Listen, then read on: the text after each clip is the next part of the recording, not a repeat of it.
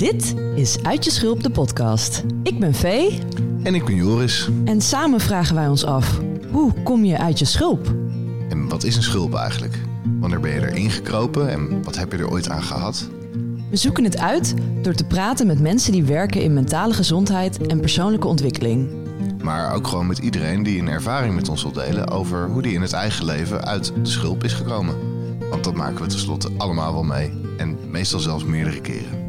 Door de verschillende verhalen en inzichten te delen... hopen we om iedereen die luistert te helpen om ook een klein beetje uit je schulp te komen. Iedereen is welkom. Want iedereen is wel eens uit zijn schulp gekropen. Pak een drankje, schuif lekker aan, laten we beginnen.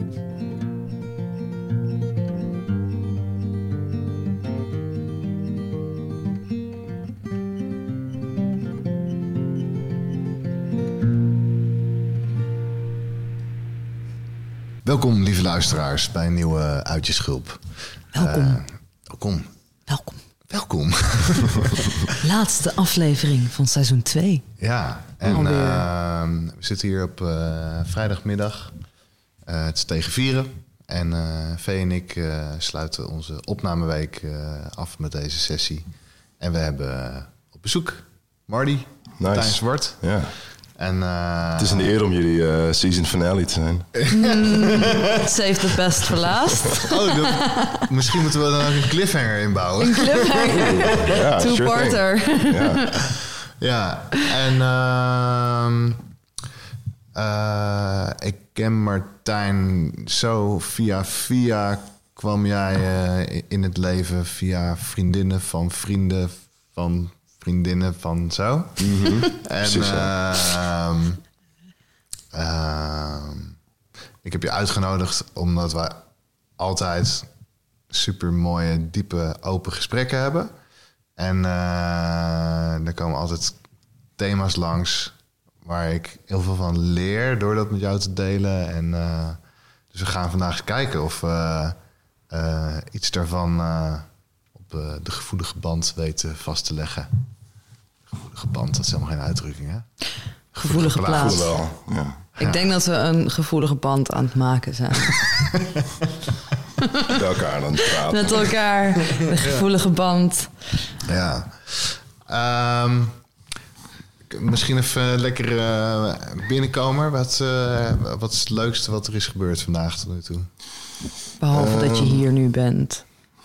Want dat is natuurlijk het leukst. Ja, ja, dit is wel eh, dit is, ja, dit is de finale, dus het is wel een soort hoogtepunt. Eh, hiervoor, ik heb echt heel erg hard gechilled in de stad. Ehm, we zouden eerst naar de sauna gaan en ik had een, eh een My Wheels gehuurd. Zo'n zo'n zo'n eh, huurautootje. Ja. Maar dat kon niet, sauna was vol, dus wij, eh, ja. maar ik had die auto al gehuurd. Dus we zeiden, ja, we gaan gewoon naar de stad. De stad, waar we een kwartier fiets vandaan wonen. dan gaan we daar parkeren en dan gaan we tweedehands kleding kopen. Het voelde heel, eh, het, voelde, het was nice. Het was, Ja. En kaas en brood. En gewoon allemaal fijne, fijne dingen. Dus dat, ja, dat was eigenlijk heel, eh, ik weet niet, dat heb ik een tijdje niet gedaan. Ik was veel weg. Ja. Eh, ik was drie weken op tour met eh, twee bands Ja. door heel Europa. De En, Wolf en- Met de Wolf en met de Black Crows. Oh ja. Een Amerikaanse rockband. En dat Ja. was heel vet. Ja. En, eh, maar ik had het wel heel even gemist om gewoon te brunchen in de, in de binnenstad. Ja. Dat is nice. brunchje met eh, je kleintje. Nee, met mijn lief. Oh, alleen met, eh, ja. alleen met de lief. Nice. Fijn. Kleintje was bij de opvang, dus dat, dat was helemaal goed geregeld. Door de opvang. Ja. Zo blij dat ze bestaan. Ja. Ja,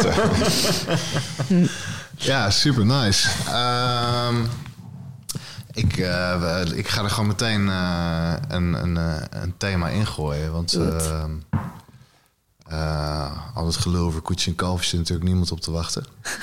Ehm, Dat zou Een van de dingen- een interessante aflevering zijn. Ja. Alleen de omgedraaide uit je schulp. Laten we het vooral over niks hebben. ja, ik ook wel weer kijken hoe ver we komen voordat we alle, alle drie gewoon, een soort bar, gewoon een soort bargesprek. Ja, precies. Een podcast noemen. Ja.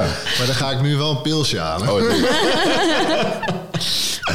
Nee, we hebben... Kijk, zoals ik zei, we hebben het altijd over thema's... eh, waar we volgens mij allebei altijd in leren als we het over hebben. En eh zijn, zijn altijd open van alles. Eén daarvan is science fiction. Oh my god. mensen gaan science fiction lezen. Als jullie tips willen, stuur een bericht aan Marty of mij. Eh, als het gaat om fantasy, meer aan V, denk ik. Nee, ik Nee. hou niet van lezen. ik schrijf alleen. Ja, there you go, there you go. mind. maar eh, een ander thema is eh, religie. En eh, dat is niet voor niets bij jou. En eh, kan je gewoon om te starten eens schetsen het beeld van eh, jouw spirituele achtergrond? Hmm, goeie vraag. Spirituele achtergrond, ja. Ehm, ik denk dat, dat ik eigenlijk als kind... ik, ik werd als kind opgevoed met het christelijk geloof. En dan zaten wij in een soort van meer protestantse evangelische tak... waar de kerk eh, eh, wel een band had ehm, en geen orgel. Dus dat was ook een soort van de, de, de coolness factor... die, die we vaak aan buitenstaande uh, meegaven van... Ja, wij hebben, we hebben wel, ja, we hebben wel een soort van popmuziek waar, ehm, waar we de Heer mee aanbidden. Ja. Dus dat maakt het uh, bij voorbaat beter dan de, de, de kerken die dat niet hadden. Ehm, ja, als kind groeide ik daarmee op. Ehm, mijn ouders waren zendelingen. En die, uh, die waren op missie in Zuid-Amerika. Ehm, en uh, wat, wat, wil ik daarover zeggen? Uh, die, die, waren op missie in Zuid-Amerika, in, in, uh, in Ecuador en Colombia. En daar zijn mijn broers en ik ook geboren, voor, voor, een groot deel. Er zijn er best wel veel. Um, ik heb vier broers. Okay. Ja, drie ervan zijn ouder en eentje, jonger. En ja, mijn, ja wij, wij groeiden eigenlijk allemaal op als kind. Um, met het idee dat mijn ouders voor een NGO werkte vanuit de kerk die uh, hulpgoederen leef, leverde aan um, stammen in de Amazone die onbereikbaar waren of moeilijk bereikbaar waren. Maar die brachten daar ook tegelijkertijd um, hun waarheid. Mm. Die, waarvan ik eigenlijk wel kan zeggen dat die niet heel erg lang mijn waarheid is geweest. Mm -hmm. Als kind was ik daar niet heel bewust mee bezig. Ik zag het allemaal gebeuren en ik hoorde van de wonderen en de dingen. En ik vond het allemaal heel cool klinken. Voor mij klonk ik was al helemaal into uh, Star Wars en, en Lord of the Rings toen ik uh, denk 11 of 12 was. Mm -hmm. Dus voor mij klonk het gewoon als een episch uh, verhaal over engelen die door de, door de hemel heen aan het strijden waren tegen demonen. En ik vond het allemaal gewoon heel dope. Ik dacht, ja, ja dit is gewoon mijn ding. Um, totdat ik een paar jaar later zelf ook de Bijbel best wel veel ging bestuderen. En toen heel, heel veel super nare dingen begon te lezen die ik niet... Die, ja, die je wel terugleest in, uh, of terugziet in een, in een epos over, over Star Wars of wat dan ook.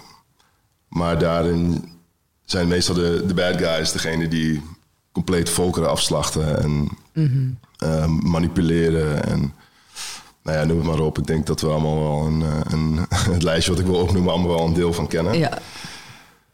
Um, dus ja, toen ik, ja, ik denk wel op, rond mijn 18e, 19e dat ik daar wel echt weer van, um, van terugkwam en heel, heel kritisch werd. En um, kritisch werd op de manier waarop spirit, de spiritualiteit werd geuit. Uh, en niet per se op, op het feit dat het zo was. Want ik voelde, ik, bedoel, ik voelde ook wel uh, dingen in me gebeuren, zeg maar. Als ik uh, in een in een, met een groep jongeren of zo. Dan, als we dan tijdens een conferentie of zo'n christelijk festival gingen zingen, dan voelde ik op een gegeven moment ook al een soort van tinteling in mijn borstkast. Dat ik dacht van wow, dit, shit is real. Dit is gewoon, het kan dan zo valideren, zo'n soort van uh, gevoel of wat dan ook. En ja, ik, uh, ik had nog nooit MDMA of ecstasy of zo of wat dan ook gedaan, maar dat is wel echt heel erg het gevoel waar dat heen ging.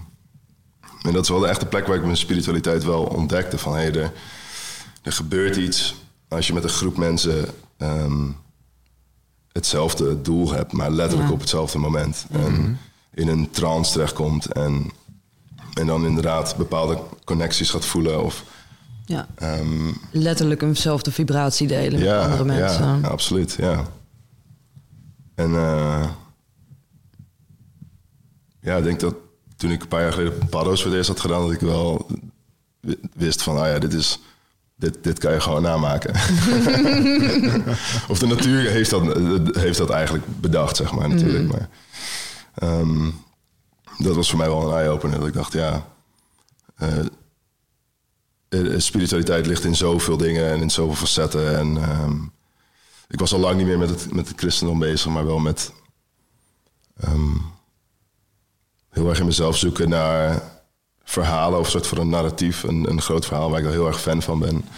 Van epische, epische verhalen. En eh, dat is eigenlijk ook waar ik nu eh, qua spiritualiteit ook wel zo naar kijk. Een soort van, er is zo'n groot verhaal om ons heen bezig, maar het is eigenlijk ook heel erg klein. En, ehm, en heel simpel, omdat, het, omdat je gewoon als één, als één mens ben je eigenlijk maar één universum. Je hebt maar één manier waarop je alles kan zien. En ik, ik denk soms als ik het zo groot ga maken in mijn eigen hoofd, en dat deed ik dan ook met, met het christendom, dat, dan ging het allemaal, dan ging ik me heel erg zo indenken van, oh ja, hoe, hoe zou de hemel eruit zien? En dan, dan zingen die liedjes van, alle straten zijn van goud en alle muren zijn van goud. Ik dacht alleen maar, dat is zo dom. Dat is zo leem. Dat is echt lelijk.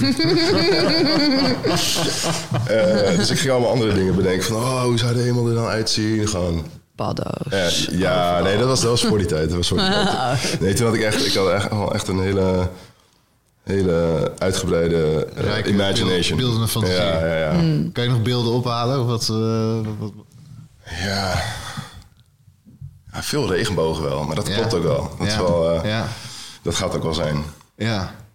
denk ik. Als het, eh, Maar ja, ja veel, eh, veel kleuren, veel... ehm, Ze zeggen wel eens dat... ehm, dat Rome, dat je nu al die ruïnes ziet van het oude Rome en zo. Die zijn allemaal ja, wit of Ja. crème kleurig, maar die Allemaal rood. en zo. waren allemaal rood gekleurd. Die waren volledig Rood en geverfd en allemaal... Ja. En ik dacht eer- eerder aan zo'n soort stad, weet je wel. Gewoon een soort stad uit een tekenfilm. Ja. Zo'n, ja. En zag je in die, in die beelden ook de mensen en hoe die daar waren?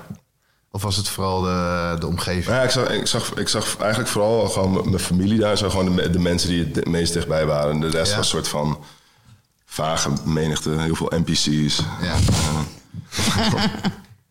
Thanks. NPC's in heaven. Ja, ja, die, ja, ja zeker. Die moeten er ook je- zijn. Leg even uit, wat is een NPC voor de luisteraar? Eh, Het is een non-player character.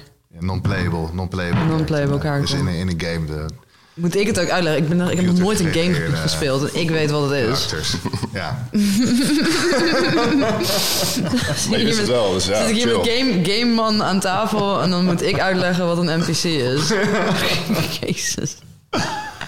Ah, Oké, vet. Dus je, je, je voelde wel de, de verbinding met zo'n groep mensen en een vergelijkbaar doel en letterlijk de tintelingen in je lichaam. Nou, ik was, er niet, ik was niet echt per se op zoek daarnaar. Nee. daarna. Het, was, het was gewoon dat ik op een gegeven moment dacht van... oké, ik leg dit nu, dit nu neer. Dit is niet mijn ding, Ja. het eh, christendom. En, Ja. Was het, eh, was het resoluut of ging dat zo geleidelijk aan doordat je de Ja, Bijbel best wel geleidelijk. Ja. Best wel geleidelijk. Ik begon... Mijn, een van mijn oude broers, die, ehm, die is echt een soort van eh, theo, zelfgeschoolde theoloog. Ja. En atheïst. En Ja. ehm, zeg ik dat goed? Ja, hij is atheïst, ja. Mhm.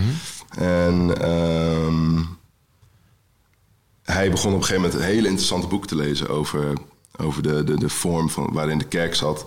Dat het niet de, de, de, de beste vorm was. En dat er betere vormen zijn van hoe je kerk kan zijn. Door de groepjes klein te maken en door het veel persoonlijker te houden. En door veel meer de, voor je directe community te doen. Als in dat je echt letterlijk met de mensen uit je kerk samenkwam die bij jou in de straat wonen. Ja. Ja.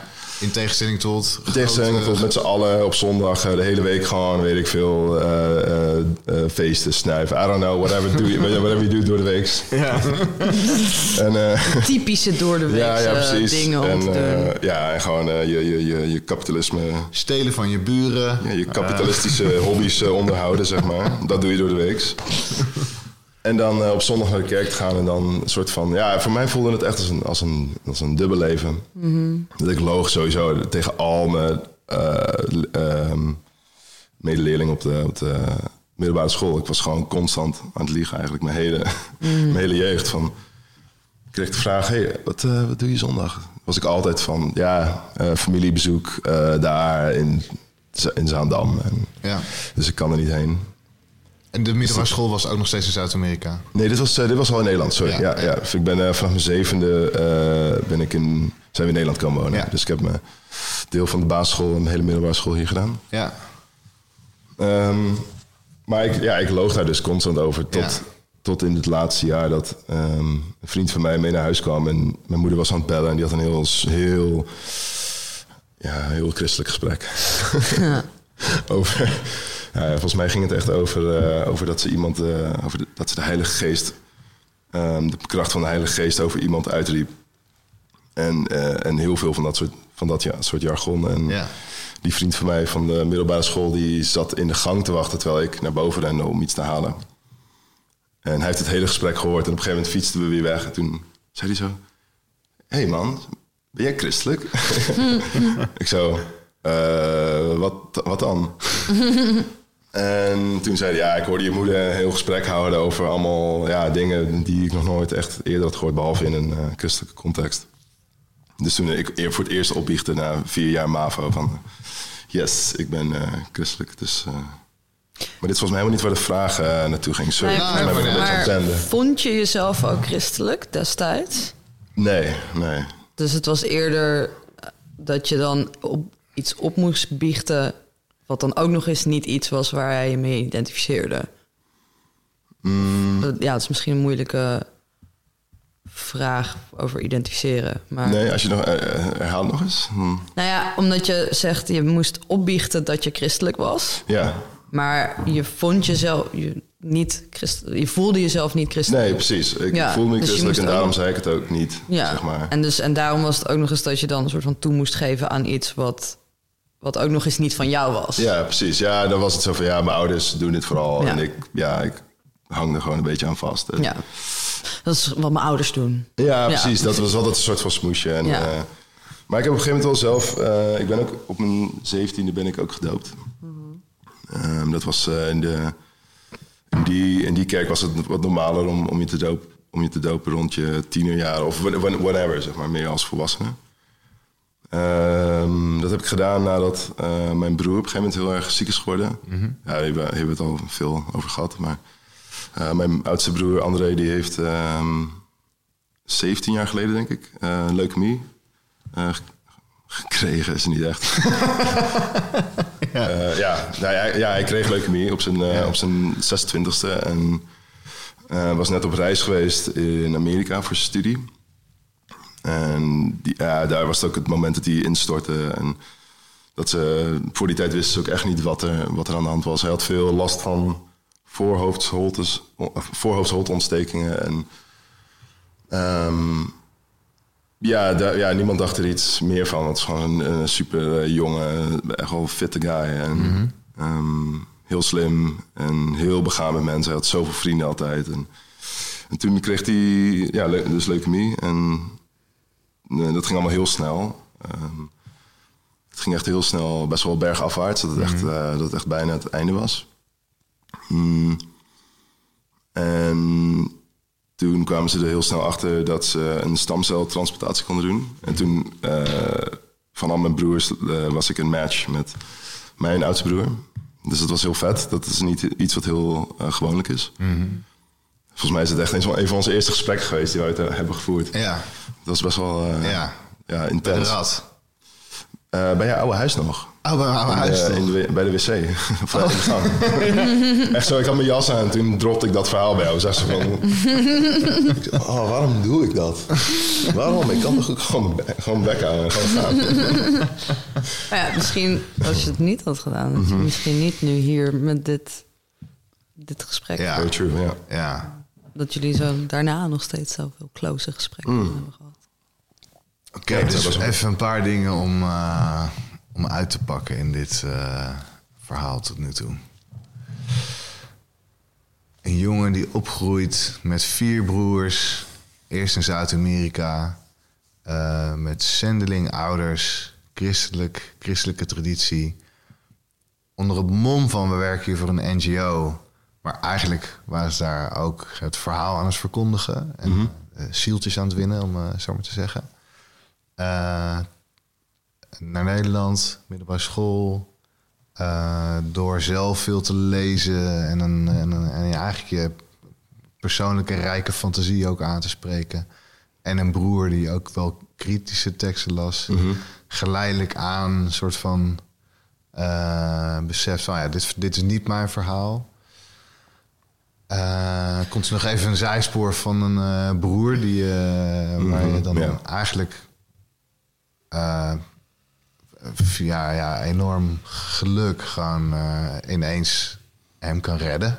Want dat is gebeurd. Ja, ja, ja. En, Ja. en door, door hele...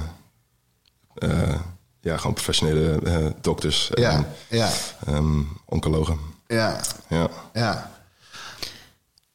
Ja, ja, ja. Maar ja, ik was, ja, Ja. Ik was, aan, ik was net eh, aan het vertellen over waarom ik me liet dopen. Volgens mij was dat de ja vraag. dat was En, de...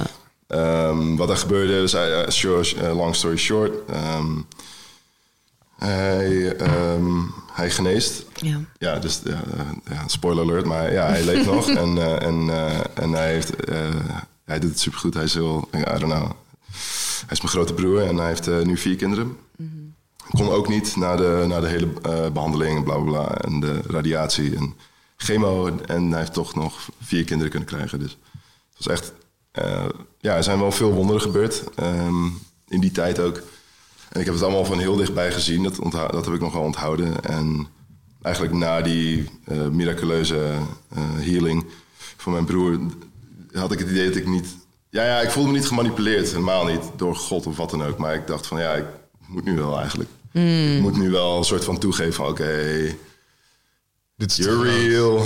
Ja, dit is te groot. of Ja, zo. ja oké. zo van oké, nu heb je ook iets persoonlijk bij mij gedaan in mijn leven. Dus, want daarvoor was het vooral wat er in mijn ouders leven gebeurde. En, en, Ja. en in al die Ver van je bed. ja, ver van bed. Toen was het er keer in mijn eigen leven. Toen dacht ik, oké, let's go. Eh, Ja. Ik ga het doen. Ik ga mijn hele leven alles, alles aan God geven. En eh, dat eh, ging goed voor een jaar, denk ik. Oké. Ja. En, eh, ja, en, eh, en toen ging ik onderzoeken zelf. En dat was, ja, dat is het beste, de beste keuze die ik heb kunnen maken. En ja, In alles gewoon blijven onderzoeken en, eh, en ga niet... dingen voor lief nemen. Ja, precies. Ja. Maar ook niet, in niet per se waarheden die, die anderen verkondigen, maar ook gewoon echt dingen die, die waarheden die van je, voor jezelf van toepassing zijn. Want er zijn Ja. er zoveel. Ja. En verschillende ook. Ja, en ehm, om dan even een beetje eh, het gesprek naar een schulpthema te sturen.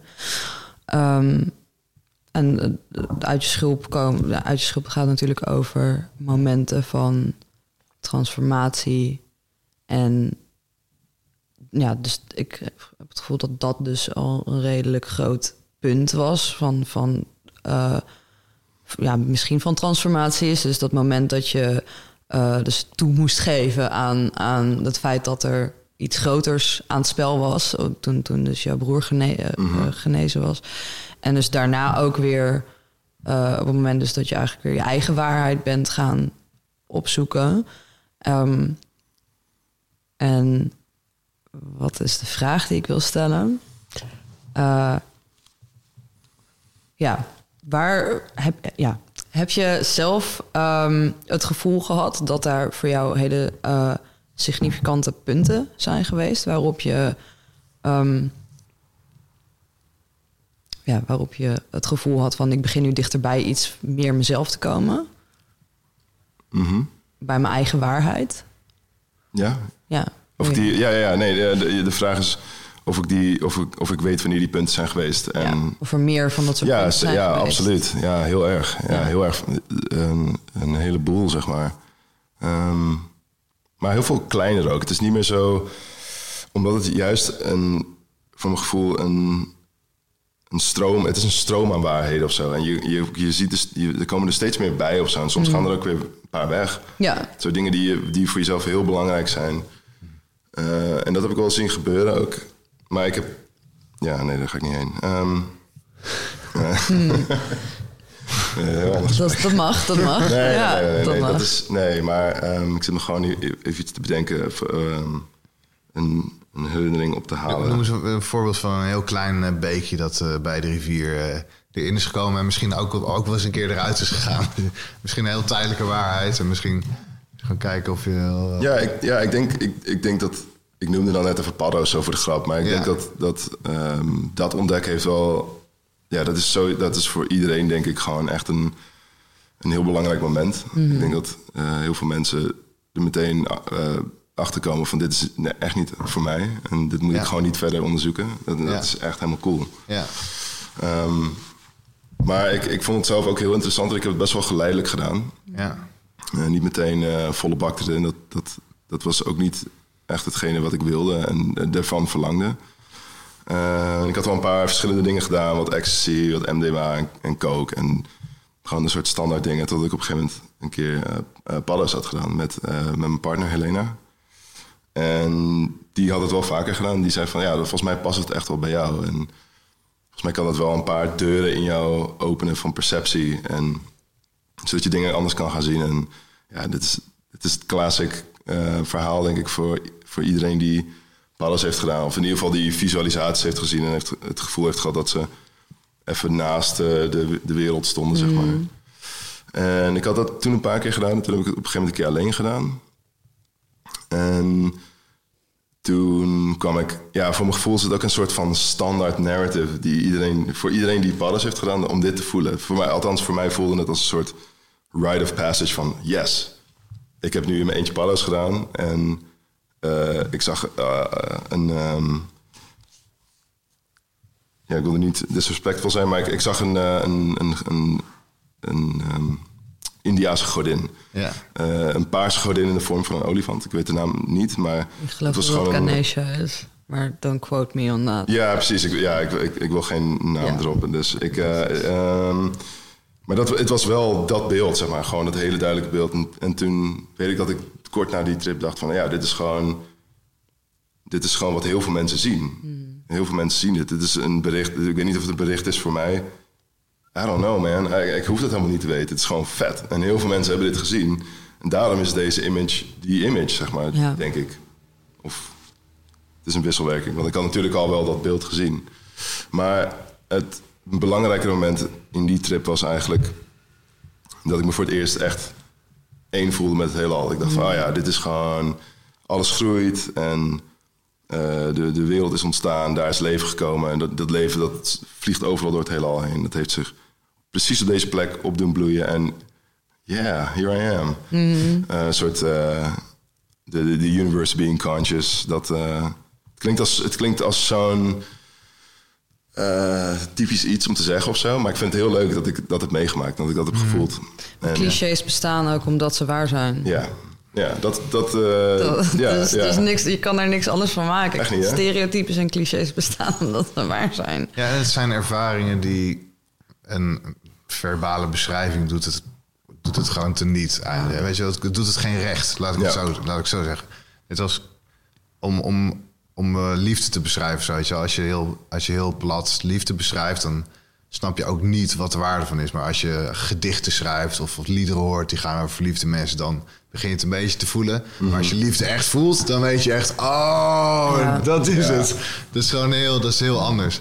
Dus het is, het, is, eh, het is heel moeilijk inderdaad om er op zo'n manier gewoon even te zeggen... ja, nou, dit is wat ik zag. En, en dan, dan is het heel moeilijk om de soort van de waarde ervan daarin mee te geven. Maar ik, eh, ik snap wat je bedoelt, eh, Ja. eh, denk ik. En, ehm, en je noemde aan het begin ook al even de, de tintelingen in, het, in, het, in de kerk, in, in het koor was dat, volgens mij. ja, als we En- zongen en- samen, ja, precies. Ja, toen relateerde je ook al van, ah ja, later heb ik pas.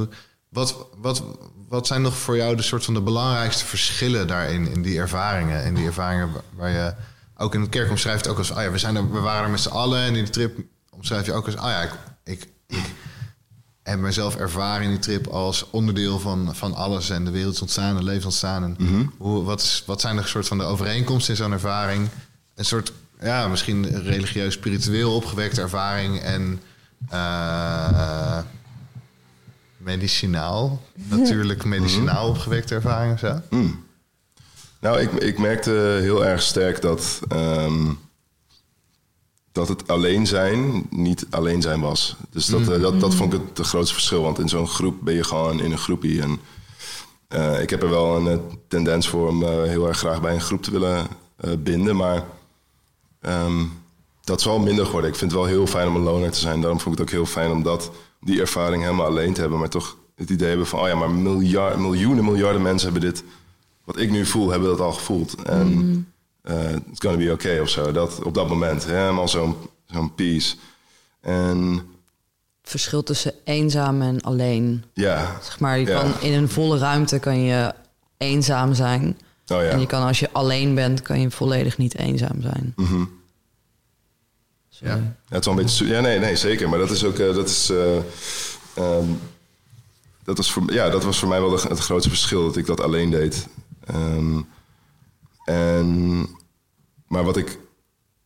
Het, het, ah, ja, eigenlijk het veel grotere verschil ehm, was dat het echt veel echter voelde. Ehm, en, niet alleen, en niet per se zo'n moment met padden, zo, maar ook andere momenten dat ik echt gewoon ehm, heel erg eh, in een fijne flow ben. En heel erg dat mijn gedachten ook heel, heel harmonieus zijn en heel erg werken met wat ik aan het doen ben. En me heel erg upliften, dan kan dat zoveel, zoveel echter voelen. Nu, al- althans, ook, ik denk dat het ook wel heeft te maken met volwassenen worden dan toen ik 17 was en echt ehm, het gevoel had dat ik iets moest voelen. Dat ik, dat ik iets moest voelen en anders dan, ja, dan was je toch wel, dan hoorde je er wel bij, maar dan was je altijd een soort van, ja, hoe zeg je dat? Ja, gewoon een, een, een groentje, weet je, of een, Ja. of een eh, Deed je niet goed. ja, een soort van. Zo, ik voelde me wel zo. hè, Want eh, ja, ik kende zoveel mensen die, die hadden zoveel bizarre dingen meegemaakt op die conferenties. Ja. Ehm, met, eh, ja, dat, dat was ook een, een grote trance. met zo'n Ervaringen groep. van verlichting of zo. Van, Ja, ja, ja, maar dat, je, het was gewoon vaak een groep van een paar duizend mensen die dan gewoon echt in een soort van popconcert, een soort drone of eh, ja, ik, ik vind altijd een beetje een soort Sigur Rós-achtige muziek, maar Ja. dan net niet zo goed. en, ehm, maar eh, ja, dat, ehm, dat is waar het dan in kwam. Het was een bepaald sfeertje. Mensen begonnen ook echt een beetje te zwierig te bewegen. En het was echt, ja, het was, het was, het was wat meer culty dan, terwijl ja, de hele kerk is een cult, maar... Ehm, het, voelde meer van, wow, nu zitten we echt in een soort van eh, secret society mi- in, midden in de kerk, zeg maar. Met Ja. alle jongeren die, eh, die dit... ehm, er waren ook wel oude mensen bij, maar het was, het was vooral jongeren. En die dat wilden ontdekken, die, die natural high of die, die van, van God of van het aanbidden. Dus veel mensen die... Ja, op een gegeven moment hoorde je in die zaal ook echt zo mensen schreeuwen en... En dat was dan niet, het was dan niet dat wij met z'n allen zo achterin zo, zo stonden te lachen. Maar het was wel, ja, ik weet niet, het was zo serieus. En het was zo van, oh ja, hier, oh, er is echt nu een aanwezigheid hier in de... Echt een, echt een seance, gewoon. Ja. Ik kan het niet anders Ja. omschrijven dan zoiets. Ja. Eh, en ik was al, en ik durfde nooit naar voren te gaan. Want ik dacht, ja, dan, dan word ik sowieso exposed. Want dan sta ik daar en dan, want dan gaan ze ook voor je bidden. En op een gegeven moment vallen mensen ook om. En dat heb je wel eens, misschien wel eens een keer op filmpjes gezien van Ja. Benny Hinn of van, van die church pastor, de TV-pastors. Ehm, de- en dat vallen dat was een soort van, ja, dat was het ding waar heel veel mensen het over hadden of zo op het festival. Als je naar Lowlands gaat, dan hebben mensen het over muntjes van 24 en daar, en daar, daar hadden ze het over eh, of je al was gevallen in de geest. En ik, ja, het- maar, ja, ik, ja, ik was gewoon, eh, ik, ik had dat nog niet meegemaakt. En ik Ja. voelde me daar heel raar over. Ik dacht van ja, oké, maar is die verbinding dan er dan niet, weet je wel? Ja. Ben, ik dan, ben ik dan echt nog niet daar? En dat was gewoon... Ik denk wel de angst voor zoveel eh, jonge, jonge mensen van, van, die, eh, van die generatie. Ik weet, ik, ik weet niet hoe het nu in de kerk is, maar ik hoop echt dat het anders is. En dat, het, eh, dat, dat er ook veel minder shame is om, om de dingen die jongeren doen Ja. willen doen. En eh, dat, maar ja, sidetrack. Sorry, maar. eh ja, cut that one. maar ja, de- ja, dus die ervaringen die, eh, die waren voor mij veel meer eh, alsof het moest. Ja. En alsof het erbij hoorde, alsof het een initiatie was. Ja. En die kreeg ik maar niet. Ja. En ja, heel even af en toe dat tintelingen, maar nooit echt een soort van smackdown. Of, eh, Ja. ja. En dat Ja. geeft dan natuurlijk ook een soort gevoel alsof je er niet helemaal bij Ja. hoort, alsof je iets verkeerd doet. Ja, wel een beetje, ja. ja. Dan blijf je gewoon je best doen en dan blijf je soort van in je hoofd het beeld te vormen van... ja, maar ik, nee, ik geloof wel echt. Ik, ik, ben wel, ik heb wel echt niet alleen cognitief, maar ook spiritueel in mijn hoofd besloten om... Ja, en ik kan me ook voorstellen dat het heel moeilijk is om dat dan ook te bespreken met andere mensen. Omdat als je dan toegeeft dat jij het niet zo voelt, dan geef je ook toe Oh, yeah. dat, dat, jij niet, dat jij het niet goed doet, dat jij er niet bij hoort. Dus Mhm. was dat ook een, droeg dat bij aan het probleem voor jou? Ja, dat, je daar ja. niet, dat je daar niet. Praten mensen daarover of praten mensen daar niet over? Ja, ik praatte er met mijn broertje wel over. Maar me- ja, ik denk, ja, mensen die het niet zo meemaakten. Op een gegeven moment had je, had je wel, je had wel op een gegeven moment gewoon het groepje in de, in de jeugdgroep van de kerk. Die allemaal wel wat ouder werden. En op een gegeven moment zoiets hadden van. Ja, ik denk niet dat dit zo voor mij is. En, Ja. de- en op een gegeven moment, ja, dan. Ik, op een of andere manier ik, kom ik altijd bij die groepjes. Ja, Maar eh, nee, dat is, dat is niet helemaal zo. Maar ik, ik, ik, ik kwam op een gegeven moment wat meer bij die, eh, bij die gasten in aanraking. Die toch ook over andere dingen hadden en ook over uitgaan. En ook wel eens een jointje rookten. En dat vond ik heel, heel leuk. En veel interessanter dan, eh, dan ergens eh, op, op jacht te moeten gaan naar een gevoel. En, eh, ja, dus voor mij, was, ja, voor mij werd het ook minder. Niet per se daardoor alleen. Ik vond, het ook, ik vond het ook wel gek of zo. Ik dacht wel van... Ik dacht ook al dat het een hype was. Een soort van.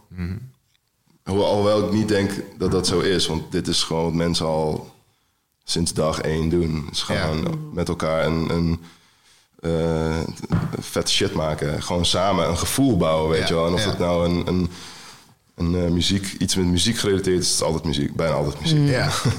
Ja. Maar wel iets, eh, iets, iets hogers, iets wat we, we niet kunnen controleren. ja, Ja. Het, een, het, het gezamenlijke doel. Ja, dus, eh, dus wat dat betreft is het geen hype. Maar het, het voelde alsof het in die tijd, in die stroming, wel een hype was. En Ja, je had een bepaalde pastoren die, die, die er bekend om stonden dat engelen echt, zeg maar, tijdens hun shows mee gingen zingen. Dat je echt zo opnames hoorde van dat je zo, hoorde je die stem? Dat was een engel die meezong. En dat werd dan een soort van legende in de kerk van, wow, weet je wel, dit is, dit is, Ja. dit is the real deal. ja. Ah, ja. En toen moved on. En Moved On klinkt dan als eh, eh, een einde misschien aan een, eh, een gedeelte van eh, je leven waar je ook twijfels over had. Waarvan je dacht van ja, ik voel eigenlijk dat ik hier niet helemaal thuis hoor. Of dat, eh, dat ik het niet goed doe of zo. Dus dat, dat kon je dan achter je laten. Mhm. Eh, maar er zit natuurlijk ook een heel eh, flink gedeelte van je opvoeding. Van alles wat je hebt meegemaakt tot dan toe... eh, stond ook gedeeltelijk in ieder geval in het licht van eh, die traditie. Dus de beslissing alleen is waarschijnlijk niet genoeg om eh, dat allemaal ook weer te herijken en los te laten. en Zo. Hoe, eh, Nee. eh, wat, zijn, wat zijn voor jou een soort van belangrijke dingen die je hebt ontdekt, die je hebt meegedragen uit, eh, uit de christelijke traditie en waar je, eh, waar je misschien nieuw licht op bent gaan werpen? zo? Dat is echt zo'n goede vraag. Maar ik, to- toen je de vraag begon, wist ik al dat ik het over altruïsme ging hebben. Oh, En, want ik heb daar vandaag nog over nagedacht. Ja. Ik heb eigenlijk een soort van deze vraag al, eh, eh, eh, toen ik dit over deze sessie nadacht, kreeg- had ik het gevoel dat ik deze vraag al kreeg. en, ehm, en toen moest ik heel erg aan altruïsme denken en dat ik... ehm, ik speelde in een band met mijn broers, eh, met Erik en Robert. En eh onze beste maat. En wij speelden eh, door heel Duitsland heen en door Nederland. Deden we allemaal showtjes, dingetjes. En, maar wij stonden altijd bekend, dat zei iemand tegen ons... als de meest altruïstische band van de wereld. En ik, ik cringede heel hard toen ik het hoorde. Maar ik dacht ook van ja, het is wel... Het is, wel, ja, het is ergens wel waar. Want we zijn... Ja, we deden echt... Ja, we waren gewoon altijd heel erg lief. ja. En we zagen er echt allemaal zo niet lief uit. Allemaal guys van één... Erik was twee meter en Ray is ook zo'n brede... Echt zo'n massive dude. Ja. En dan, dan kwamen die, die clubjes binnen, zeg maar. Ja, even voor de duidelijkheid, dit was geen kerkband meer. eh, Het is geen kerkband. Nee, was- Maar, ook, maar zeker niet, niet een anti-kerkband. nee. Want blijkbaar waren we wel een soort van monnik op tour of zo. Want overal waar we kwamen, ja, dan... Ja, we waren gewoon, ja, we weet niet, we waren gewoon uber chill altijd. En, eh, en dat voelde echt heel erg sterk als iets wat we moesten doen. En niet vanwege een religieuze achtergrond, maar gewoon als Ja. iets van... hé, hey, we moeten dit uitdragen, we moeten gewoon good guys, we moeten gewoon de good guys zijn, want Ja. we zijn gewoon... Ja. Dus gingen altijd andere bands meehelpen met shit sjouwen. En altijd, eh, andere bands voor laten spelen. Nee, joh, gaan jullie maar, man. Nee, joh, nee ook helemaal cool, man. Wij kunnen als laatste boeien, weet je wel. Maakt helemaal niet uit. Wij om vier uur s'nachts nog in een club spelen. Een van de oude gitaristen was zo verveeld dat hij zich gewoon helemaal in, tot zijn onderbroek had gestript. En helemaal voor verveling daar gewoon stond te spelen. maar eh, ja, dat was, dat was wel, ja, hij was dan niet echt heel erg altruïstisch. Ehm, maar wel, wel. Maar niet zoals wij. Maar hij, maar, ehm sidetrack. Maar dat altruïsme, dat is, altijd, dat is altijd een soort van ding geweest... wat ik heel erg van mijn ouders zag. En heel bijzonder vond hoe zij altijd dingen aan het weg aan het geven waren. Altijd gewoon ehm, iedereen voor liet gaan. En gewoon helemaal gewoon, altijd helemaal als laatste stonden. Ik denk dat het met onze achternaam te maken heeft. Eh, s- dat is zwart, zwart. Met Z en dan een W. Dus dan, ja, je staat altijd, je bent altijd laatste. En eh, daar ben ik helemaal aan gewend geraakt, dat ik altijd laatste ben. Ik vind het prima. Gewoon al- als laatste in de rij staan? Ja, man. Oh, wil je voor? Oh, wil je voor? Ja, natuurlijk. Oh, je hebt allemaal kinderen. Oké, ga, maar, ga maar voor. Helemaal. en, eh, en ik werd er op een gegeven moment helemaal scheidsziek van bij mezelf. Want ik dacht, ben ik dit nou echt aan het doen omdat ik echt zo ben? Ben ik, ben ik echt zo dat ik nooit iets voor mezelf wil pakken? Eventjes toch, to- toch iets eerder in die rij staan of... Oh ja, je bent, een, je bent een oud persoon die achter me staat, maar ja, ik moet nu, ik moet toch wel nu deze patat met mayo hebben, want anders ga ik gewoon, anders ga ik, anders ga ik gewoon kapot van honger. I don't know, so- something stupid, maar Of je hebt haast. of je hebt, ja, haast, haast, ja. Ik probeer, heel, ik probeer eigenlijk mijn hele leven geen haast te hebben, maar Soms kan je er soms niet lukt het omheen. niet. En eh, ik had dus laatst voor het eerst dat ik echt een, eh, een vlucht moest halen. En dat ik eh, ja, niet zoveel tijd meer had. En in de bus stapte in Madrid. En dat de buschauffeur zei, je moet een mondkapje op. En ik zo, ik, heb, ik had geen mondkapje.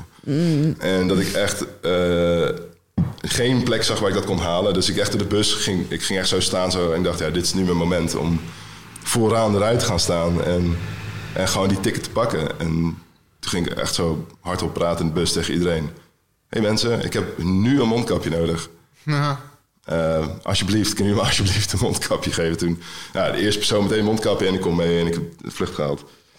Maar dat was, dat was zo'n paniekmoment. En ik dacht van ja, ik, ik, ik ben niet opgevoed met van dat ik eh, moet roepen van... hé, hey, ik, ik moet dit nu hebben. Terwijl ik het helemaal niet per se nodig heb. Terwijl er zoveel meer mensen om me heen het meer nodig hebben dan ik op dat moment. En I can take it. En ehm, ik denk dat altruïsme niet het juiste woord is. Ik denk dat empathie het juiste woord is. En dat, dat, ja, dat je, je kan natuurlijk daarmee opgevoed worden, maar je kan het ook helemaal weggooien. Maar ik denk dat het gewoon wel eens blijft plakken. En daar ben ik ook, ook wel blij om, want ik voel, ik, ja, het, ik, ik voel veel dingen, maar het kan ook wel zwaar zijn. Ehm, dat je veel met mensen meevoelt. Je bent, eh, in, in, in- ik denk voor mij empathisch zijn is ook gewoon heel erg bedenken van, oh ja, niet, en niet, niet wat mensen over mij denken, maar meer van letterlijk van, wat denkt deze persoon nu van naar de linkerbaan gaan terwijl ik daar zit. Oké, cool. Ik, ik zie dat jij dat gaat doen van tevoren. Dan ga ik het alvast doen. Dan ga ik alvast naar links, zodat je niet het idee hebt dat je mij naait. Een soort van, ja, soort, ja.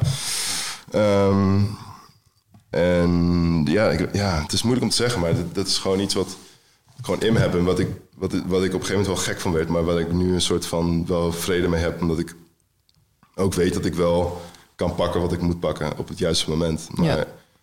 ik heb gewoon, ik heb gewoon nooit zoveel haast. En Ja. nooit zoveel momenten dat ik echt iets op dat moment nodig heb. Ja. Want dat... eh, sorry, ik, I'm cutting in. Ehm, want dat, ik vind het wel interessant dat er eh, zo'n verschil is voor mensen die dus dan het nut inzien, ook en de goedheid inzien van dingen voor andere mensen doen en, en geven, die dan vervolgens zelf moeite hebben met vragen. Ja, zo'n patroon, hè? Ja, want uiteindelijk is het natuurlijk ook zo dat als je eh, empathisch bent of altruïstisch bent, dat je dus eh, zelf ook geen waardeoordeel hebt over als, als jij iemand ziet die hulp nodig heeft of iemand hoort die hulp nodig heeft. Terwijl daar dus dan van onszelf, als wij zelf om hulp vragen, als het om onszelf gaat, dat wij daar dan wel een waardeoordeel aan vastplakken. Want het is geen vraag of zo, het is eerder gewoon een observatie. Mhm. Nee, nee, ik- ik hoor je, ja. En ik wil heel graag weten wat jij, hoe, ja, hoe jij daar naar kijkt. Of, en ook hoe jij er naar kijkt. Mhm. Wil jij dit even zeggen? Eh, ik wil eerst jou... Ehm, ja, de, het, het patroon zeg maar waar je in komt. Mhm. Oeh, moet ik even over nadenken. Dat mag. We hebben geen haast. Hey. Ja, ehm, misschien, moet ik, ik- misschien was het net een, te lang stuk voor mijn eh, goudvisbrein om te onthouden wat precies de, de, de crux Ik was. denk de crux is... ehm, als je goed bent in geven... eh, slaag je er dan ook in om te vragen. En eh, je kan hem ook anders formuleren. Denk ik, je bent goed om mensen... te anticiperen op de behoeften van anderen. En in hoeverre lukt het je dan om in touch te zijn met je eigen behoeften en die ook de ruimte te gunnen die ze verdienen. Het is niet alleen dat, het is ook het. ehm, ik heb vaak het gevoel dat we niet om hulp vragen. Ondanks dat we dan bijvoorbeeld zijn opgevoed met het is goed om hulp te geven. Het is waardevol als je iemand kan helpen. Ja, En dan als wij dan aan de beurt zijn, dus als wij iets nodig hebben, dat we daar dan een waardeoordeel overheen laten gaan. Ja. Waardoor Maar de- wij ik- ja. de, hulp, de hulp die jij dan vraagt, dat die dan niet. ik snap, ik snap, ik snap nu bedenk ik een beetje Ja, vraag. En talen. dan zou ik er wel iets over willen zeggen. Ja. Want wat ik hoor, inderdaad, wat ik voor me zie, is zijn, eh, zijn ouders die zoiets meegeven aan kinderen. En dat gaat over eh, een filosofie van hoe, hoe dien je te zijn als mens. En, en, en wat je geeft, krijg je ook terug, als het goed is. En je geeft niet omdat je iets terug verwacht, eh, maar je geeft omdat dat is wat uiteindelijk jouzelf ook het meeste geeft. Zeg maar. En eh, als je die mensfilosofie doordenkt, dan eh, zit je dus ook niet te wachten op het moment dat je het terugkrijgt, maar kan je oprecht geven. Eh, en geven zonder die terug tegenverwachting is, is het aller, allermooiste wat er is. Weet je wel? Dat, is echt, dat is echt krachtig geven. Eh, dus zo hoor ik hem dan nu, denk ik. En, en, ehm, en dat tweede deel is inderdaad, dus dat je dan eh, dat je jezelf dus anders beoordeelt als het gaat over vragen. Eh, dat is wel heel interessant, want als ik, als ik die, dat mensbeeld doordenk, dan leef je in een, in een. Als het gaat zoals je voor ogen hebt, in een ideaal, dan eh, zijn de meeste mensen zo. En eh, hoef je niet veel te vragen, maar leef je in gemeenschappen of omgevingen waar mensen jou ook zien en jou geven wat jij nodig hebt. Eh, zoiets. Zo zit ik er dan over te Ja. denken. Ja. kijk, het, is, het gaat mij vooral omdat ik dan opmerkte over iets wat jij zei. In het verhaal van de bus. Want kijk, het is natuurlijk geen leven of dood situatie. Maar als jij geen mondkapje had, dan kon jij niet met die bus. Mhm. En dan alsnog, dan hoorde ik je iets zeggen over... dat jij dan meestal zo'n gevoel hebt van... Oh, maar ik heb het niet zoveel nodig. Of ik heb, ik heb die hulp niet zoveel nodig. Of ik kan het zelf wel. Of weet ik veel. En ik vind het interessant omdat er dan toch een soort van waardeoordeel bijna zit... in hoeveel jij wel of niet iets mag hebben. Ja, de- Tuurlijk. Of iets nodig mag hebben. Ja, en dat vind ik en dat, interessant, ja. en dat vind ik dus zelf ook. En omdat het namelijk ja, over. over eh, er is een hele dunne lijn tussen geven, altruïstisch zijn en people pleasen. ja, En Heel ja. people pleasen is dan al gauw dat je alles geeft en nooit iets vraagt. En ook dat het niet oké is dat jij iets vraagt. En dus ook dat je er niet van uitgaat dat als jij iets te vragen hebt, dat dat dan ertoe doet. ja, en eh, altruïsme en zelfverloochening. Of bescheidenheid en beschaamdheid. Ja. Dus, dus dat zijn een soort van... eh, die liggen in elkaars verlengde of zo. Ja. En ik vind dat zelf ook in- interessant om te kijken waar die, waar die lijn dan eindigt en waar die is. En, ehm, Ja, misschien, misschien, wel, misschien wel gewoon de vraag... Ken je het snijvlak van, die, van dat soort termen? Een soort van bescheidenheid, beschaamdheid, altruïsme, zelfverloochening. En, eh, en dat, hoe is... Hoe is Zo, eh, ja, dat, is- dit, dit, ja. Ik denk dat voor elke persoon die... ik- Ja, nou ja, dit kan ik alleen maar zeggen omdat ik zelf ook christelijk ben opgevoed. Maar ik denk dat elke persoon hier wel iets mee te maken heeft. Omdat, ehm, en ik denk sowieso überhaupt elke persoon, maar ik denk dat je het dan anders noemt. Ehm, we hebben ons fijne jargon ervoor. Als in met vergeving en vergeven worden. En, ehm, en dat is een heel, eh, dat is best wel een wild concept, zeg maar. Want Aha. Ehm, het idee is dat je gewoon altijd op elk moment, wanneer je iets hebt gedaan, Jezus kan vragen om vergeving voor wat je hebt gedaan. En dan absolved bent, ik weet even het Nederlands woord niet, ehm, van je zonde. Ja, Ja, Ehm, verlost van je zonde. verlost, verlost van je zonde, ja, precies. Ehm, eh, en dat komt natuurlijk ook bij elkaar. Je kon natuurlijk ook elkaar om vergeving vragen. eh, en dan, ehm, dan kon je dat ook ofwel absolven of eh, Vergeven. vergeven of Ja. niet.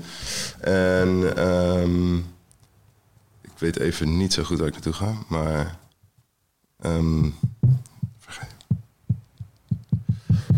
Nou, wat, wat ik hoor. Ja, ik, ik, ik, sorry, ik probeer, ik probeer ergens naartoe te gaan en een bruggetje te maken tussen vergeven en.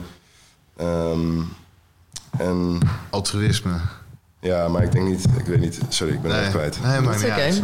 Wat ik, ehm, ik, ik moet denken aan het eh, eh, verhaal van Sint Maarten, wat ik op de, op eh, de, de vrije school ieder jaar eh, dus binnenkort te is het ook Sint te Maarten. horen krijg. Ja, Volgende week. ja.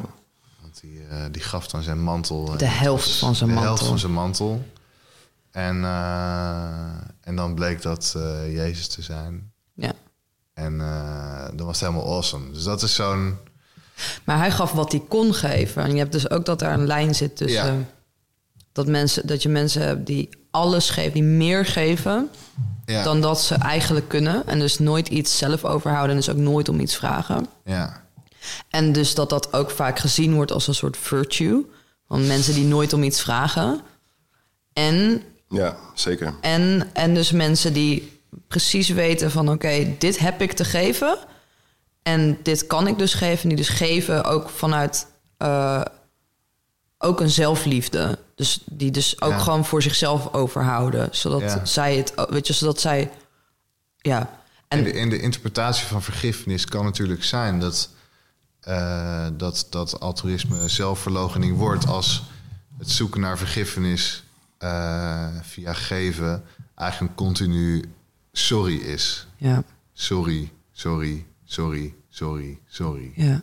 Ja. En dan ben je eigenlijk, eh, ja, ik weet niet. ja. Het is grappig dat je het zegt. Ik denk, ik denk dat veel mensen die mij kennen wel ehm, weten dat ik echt dat ik heel vaak sorry zei. Ja, ik denk dat weet. zeker. Dat het dat dat ehm, het soort van het was het werd een soort automatisme en ik ja ik had het eerst zelf helemaal niet door. Het was gewoon een soort van ja gewoon een een één grote sorry dat ik besta gewoon. Sorry dat ik ik voel me altijd in de weg.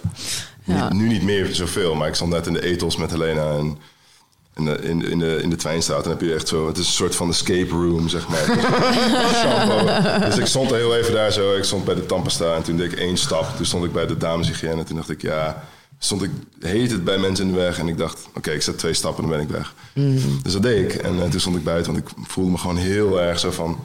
In de weg. Ja, sorry man. Oh, oh, sorry, sorry, sorry. Daar heb ik geen zin in. Denk ik. En dan zet ik mezelf liever daaruit Uit. dan dat ik daar zo sta en heel awkward ga Ja. doen. Ja.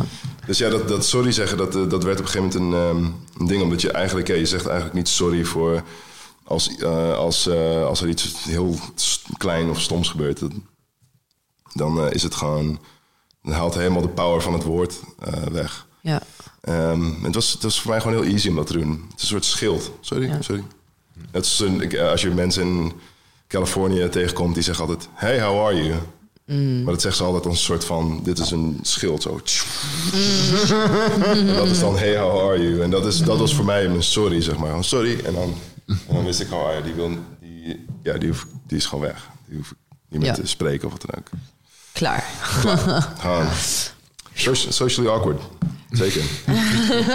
ja, ik heb er wel echt moeite mee gehad. Ja. Als, eh, voor corona ook. Ik vond het, ook, eh, ik vond het toen ook wel lastig. Vaak om dan, omdat ik gewoon zo'n laag zelfesteem had, zo'n laag zelfbeeld. En ehm, gewoon dus het idee had dat ik letterlijk de hele tijd in de weg stond van mensen. En dat ik dingen op mijn werk niet goed deed. En dat ik eh, te, te druk was en te, te, te veel zei of te, te veel was, te veel leefde of zo. Dus ik heb dat heel, ja, dit is, ja, als we het dan over je uit je schulp gaan hebben, dat is wel echt een van de dingen die mij echt zo hard in mijn schulp heeft gedrukt. Ja.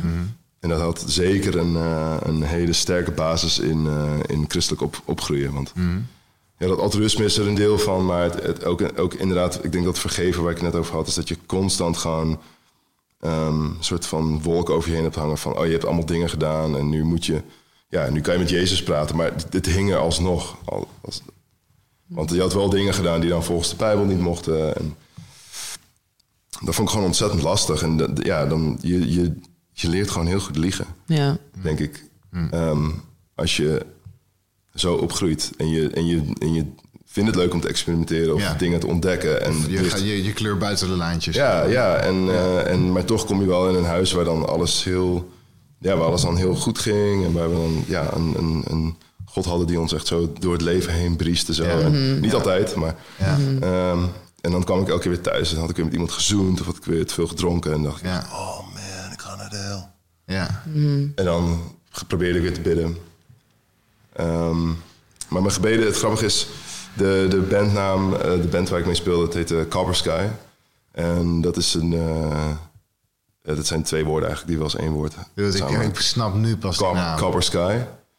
Ja, ja. Oh my god. En, eh, en voor, mij, voor mij betekende die naam echt zo, wat, want het is een psalm waarin David zegt van ja, mijn gebeden zijn echt gewoon een soort van pijlen die zo naar de lucht worden geschoten, maar tegen een, een koperen doom aan schieten en er niet doorheen gaan. En Dat is hoe hij zijn eigen gebeden omschreef. En toen ik dat las, dacht ik echt, dit is mijn hele leven. Ik ben al het hele leven gewoon pijlen zo op een supergrote eh koperen doom aan het afschieten. Ja. En ik denk steeds van, oh ja, ze hadden wel doorheen zijn gegaan, maar nee, eigenlijk niet. Ehm, dus dat, eh, dat, dat was wel grappig dat in die band zat, want dat zat er ook al echt in. Er zat ook al in het begin best wel een soort boosheid in, tegen, daartegen. ehm, aftrappen van, ja, ik heb gewoon, doordat ik zo lang dit sprookje heb geloofd, eh, heb ik mezelf gewoon niet kunnen ontwikkelen. En ben ik altijd gewoon repressed of gewoon un- ehm, suppressed bij, bij, door een gewicht waar je echt niet tegen kan vechten met je, met je, eigen, met je eigen brein, met je eigen gevoel. Ik vond het zo moeilijk. Ehm, ik ben niet lang boos gebleven. Dat, heb ik wel, eh, dat heb ik wel snel achter me gelaten. En, Hoe heb je die losgelaten? Hoe heb je daar doorheen Oh, door, gewerkt? door, mijn, door mijn ouders. Die, die, die hebben het zo goed eh, geaccepteerd. Die Ja. hebben zo fijn gewoon geluisterd. En die zijn het zeker niet met alles mee eens geweest, maar die hebben wel altijd geluisterd. Ja. En, ehm, en ja, die hebben dat geaccepteerd. En die zijn niet per se daardoor, maar die zijn ook zelf ehm, verder gaan kijken dan de, dan de lijntjes waarin we ons christelijk leven hadden, hadden gekleurd. Want ja, je buren zijn eh, biseksueel of trans of zwart of variërend van heel. Van, ja, want we, de kerk waarin we kwamen was ook wel heel erg. eh, ja, wel, wel voor- voornamelijk wit. En wij waren, ik- ja, ik, ik ben, we zijn half, eh, ik ben half Colombiaans en heb wel een beetje die Latino bloed ook. Dus ik voelde me daar op die manier ook helemaal niet zo heel erg thuis. Ehm, het- ja, en, en, en als kind van zendelingen ben je toch ook wel een soort van ja, eh, ik voel me altijd een soort van paradepaardje ook van, de- van de kerk waarin wij, eh, wij zaten. Want elke, ja, om de paar weken dan zag je dan weer zo'n foto op de beamer van je ouders en jezelf als klein jongetje zo.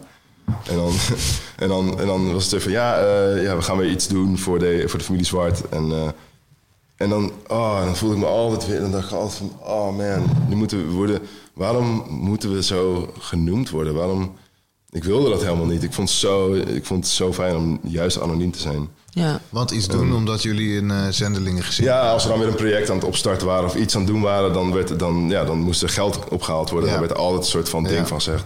Ja. Ja. en dan stond jouw hoofd weer op een biermer waarop Ja, stond van ja, deze mensen hebben geld nodig of, Ja. of, of gebeden of hulp of wat dan ook.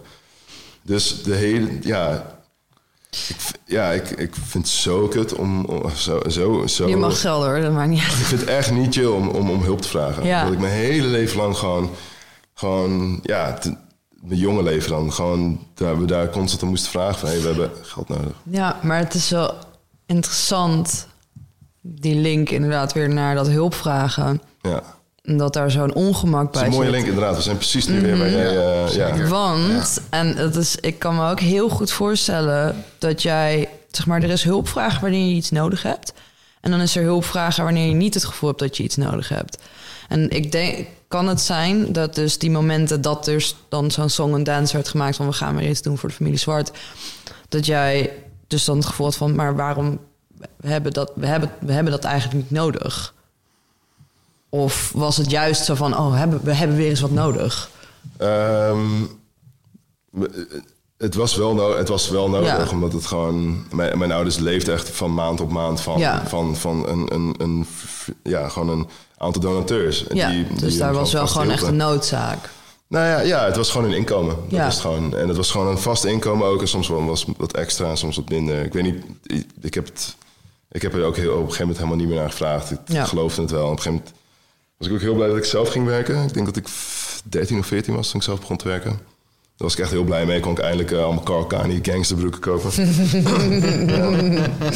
En, eh, en dat soort ja, belangrijke ja, dingen. Gewoon, ja, precies. Dat, ja, gewoon kleding. Ja. Dat, dat is eigenlijk eh, still the story of my life. Ja, En no- nooit geld, maar wel vet. eh, vette shit. ja, maar eh, ja, goede link. Dit is, wel, ja, dit is ook wel, denk ik, het verhaal waar, ik, waar, ik het ook, waar we het ook eerder over hadden in de voorbereiding van eh, dat ik daar naartoe wil. Want ik heb daar wel veel over nagedacht de afgelopen tijd. En, en wat het ook mij doet met ehm, geld hebben en, en veel geld hebben. Ik heb, geen, ik heb niet veel geld. Eh, ik vind het wel fijn om geld te hebben. Het is echt. ehm, het, is zo, het is zo belangrijk om gewoon. Als je die zorgen niet hebt, dan dan, ja, dan, dan gaan er zoveel. Ik weet niet, dan kan ik in één keer veel meer zien. Dan kan ik. En dan merk ik dat echt dat ik minder toxic word ook. Maar je, je kan, ja. Je, je kan daar ook aan wennen weer, geloof ik. Aan minder, minder geld hebben. En Ja, er is minder en er is zorgen. ja, precies. Ja. Ja. en die zorgen, die heb ik, dat heb ik echt, ja, ik weet niet, gewoon. Ja, ik kan niet zeggen dat ik echt heel erg goed heb geleerd om met geld om te gaan. Maar ja, dit is niet, ja, ik zeg, mijn ouders waren echt wel goed in budgetteren en zo, maar het- ik, mijn broertje zei wel eens van, die, die baalde op een gegeven moment heel erg. Die zei van, tegen mijn moeder, van, wanneer gaat papa nou een keer een echte baan nemen? dat, dat zei hij dan. Ik vond het zo'n sterke uitspraak. Ik dacht van, ja, dat, dat, is, dat is wat ik ook wel voel. Ik, ik zei dat niet, maar, maar het is gewoon... Als je een maatschappij om je heen ziet waarin iedereen leeft voor, voor geld en voor, voor eh, aanzien en voor ergens in groeien in een, in een bepaald iets, dan vielen geld en ehm, ehm, ja, hoe zeg je dat? Status? Status. Best wel, ja, we hadden wel een bepaalde status in de kerk als zendelingen, maar ja, dat, ja dat, ik schaamde me daar vooral heel erg om. Ehm, dus ik, leefde, ik, ik groeide op zonder eh, kapitalistisch oogmerk, zeg maar. Ik, ik, ik had niet het idee dat ik eh, veel geld moest verdienen. Ik dacht van ja, boeien, weet je wel. We, we leven hier op een, op een wereld die over een, een paar tientallen jaren, zeg maar... eh, ehm, door Jezus weer bewoond gaat worden. En dan is alles gratis. En dan zijn we gewoon... en dan, ja, dan gaan we gewoon, gaan we gewoon eindelijk die, dat basisloon krijgen. of zo. Gewoon mondiaal. En dat is echt waar ik me heel erg mee bezig ben. Ja, en dat, en, en, maar dat is, het grappige is dat dat heel erg is blijven hangen. Ja. En, het, me, en geld me ook niet zo erg boeit. Ik vind het gewoon ik vind het vet cool om, om hele leuke dingen te doen met geld. Ja. En ehm, om maar dingen voor anderen mee te doen. En, maar sparen, man. ah, No way. No Ja. way. Nou, het gaat, het gaat niet worden voor mij. en uh, ja, en, maar ja, misschien... Investeert misschien in moet je ik, kleren. Ja, ja, oh ja, investeer, ja, investeer, ja, nee, kle- kleding. Ik heb echt alleen maar gewoon echt oud troep en goedkope zooi. Uh, ik, ja, ik, ik heb gewoon echt al mijn geld in, in mijn gear gestopt. In gitaren en zo. En, Ja. en, in, ja, en in, in, in bijzondere dingen kunnen doen, zeg maar. Dat vind ik veel uh, Ja. belangrijker. Ja. Misschien is dit wel een eh, mooi bruggetje naar een, eh, een andere schulp. Waar ik jou de laatste jaren veel in heb zien doen. Je hebt al veel verteld over muziek en je hebt heel veel gedaan met muziek. Mhm. Je hele leven, dat hoor wel. Eh, maar het laatste project voelt, voelt weer als een nieuwe, een nieuwe ontwaking Mhm. daarin. Wil je, Absoluut. wil je daar iets over vertellen? Zeker, Over hoe dat- ja, hoe dat- absoluut. Hoe dat Ja. is ontstaan en wat je daarin hebt bent tegengekomen en hebt geleerd. Mhm. Eh, ja, Hendren. Dat is, eh, ik zal gewoon meteen... Is helemaal geschreven, hè? Ja, Dat is wel een super mooi christelijke- man. Holy crap. Ik voel me helemaal de, de main character in the game gewoon. Zo'n sick intro. Ik moet alleen wel heel even een huishoudelijke mededeling doen. Want er wordt een beetje eh gewiebeld hier en daar. Oh ja, en oh dat ja. is prima. Alleen, Ja, je hoort het. Je kan dat horen op Ja. de mics. Dus ik eh, vraag respectvol... Doe even normaal! Sit your ass down, Boys! clown. Sit down! Weer twee bewegelijke types. Ja, ja. Nee, oh, ja, ik bedoel, ja. ik, bedoel dat, het, ik vind dat het moet kunnen. Alleen het is gewoon vervelend omdat de, All good, all good. ehm, de mics dat gaan oppikken. Ja. En dat, dat ja, we, we staan er een beetje onbekend dat er wel altijd wel iets misgaat bij ons in onze opnames. Ja. But we're nailing it so far. Ja, Dus, het gaat natuurlijk goed. ja. Vertel, de nieuwe ontwaking. Ja, die ontwaking, Hendren. Eh, ik begin gewoon bij de naam. Dat is, ehm, de, dat is eigenlijk de, de bijnaam van mijn, eh, van mijn oudste broer. Die heet Hendren. Die woonde ooit in eh, Irak. En die studeerde muziek. En die is daar gaan wonen. En die ehm, heeft waarschijnlijk van die tijd daar... eh, die, dus het leukemie op, opgelopen, waar ik het eerder over had. Eh, want eh, in de jaren negentig zijn er best wel veel chemische wapens gebruikt. En er schijnen ook heel veel mensen daar met leukemie te zijn. Maar ik weet het niet. Ik weet het, ik, don't quote me on it. Maar, Ja. Ehm, dus waarschijnlijk kwam het daar vandaan. En mijn broer was daar en die studeerde muziek. En hij heet André. Ehm, maar de naaste stad waar die zat, ik weet niet meer precies welke dat was... stond een berg en die heette Hendren. En die was, dat was gewoon een soort van soul mountain... die daar gewoon in, in zijn eentje... In, diens eentje stond. En mijn, eh, ehm, mijn broer is ook een lange, lange kerel van, denk ik, 1,95. Ik denk hetzelfde als ik. 1,94. En eh, hij, hij kreeg dus de bijnaam Hendren. De berg. En het zo'n vette naam. Ik vind het zo'n vet woord. Ik vind het zo mooi. Het, het, is, het, het heeft mystiek en het is een berg, weet je wel. Een, be- een naam van een berg is zo vet. Eh, en ja, dus toen gebeurde het hele ding met mijn broer en mij. We eh, eh, we ik werd zijn stamceldonor. En toen zat ik deze muziek, toen ik dit project zat te bedenken... toen had ik eigenlijk nog geen één nummer, maar ik wist wel van... ik ga dit wel Hendren noemen. En ik heb het ook aan hem gevraagd van... Hey, zou je het cool vinden als ik, als ik mijn muziekproject vernoem naar jou? Omdat het... Omdat, ehm, het, een tri- het is echt een tribute aan hem en aan ons leven samen. Het is heel melancholisch. Het is heel, heel ja, voor mij is het, het zijn echt super sad, sad dingen waar ik, waar ik mee te maken heb gehad. En, en de hele story, de hele, het hele verhaal van André is ook heel sad, maar wel echt heel mooi op het einde. En, en dat is eigenlijk de muziek die ik wil maken. Ik wil gewoon, wil gewoon wat er in mijn hart zeg maar, rond zingt, waar, waar ik ja, een van de eerste nummers die ik schreef toen, ehm, toen woonde ik hier, dus eh, hier waar de podcast wordt opgenomen, hier in, in het huis in de beeld. Eh, toen woonden we hier net en eh, toen kwam de coronacrisis en toen mocht één persoon naar de supermarkt. En toen liep ik echt elke dag in mijn eentje gewoon zo door de wijk heen naar de, naar de Albert Heijn toe. Bijna altijd stoned in die tijd. Het was, ja, dat, dat was zo'n fijne uitweg. En ook om gewoon uit het huis te zijn en gewoon naar de Albert Heijn te lopen en die stomme boodschappen te doen. En dan, en dan gewoon helemaal gewoon een soort van. ehm, ja, een soort, het was echt bijna een soort trance voor mij om dat te doen. Eh, een soort heel spiritueel moment. Omdat ik in die tijd heb ik ook dat nummer, een van, het eerste, een, van, een van de eerste nummers van het eerste album wat ik had uitgebracht, had geschreven als eigenlijk gewoon een soort van uh, één zin. Is het, het is uh, I have always been rooting for us. En dat betekent, ik heb, altijd, ik heb ons altijd aangemoedigd. En, en als ik dan zo naar de Albert Heijn liep, dan kwam gewoon die zin met die, met die melodie uiteindelijk die het is geworden. Ging gewoon zo achter elkaar zingen als een soort drone helemaal gewoon alsof in een mantra zat. En dan vaak onthield ik niet eens dat ik naar de Albert Heijn was gegaan. Zat ik gewoon helemaal in die, in die trip.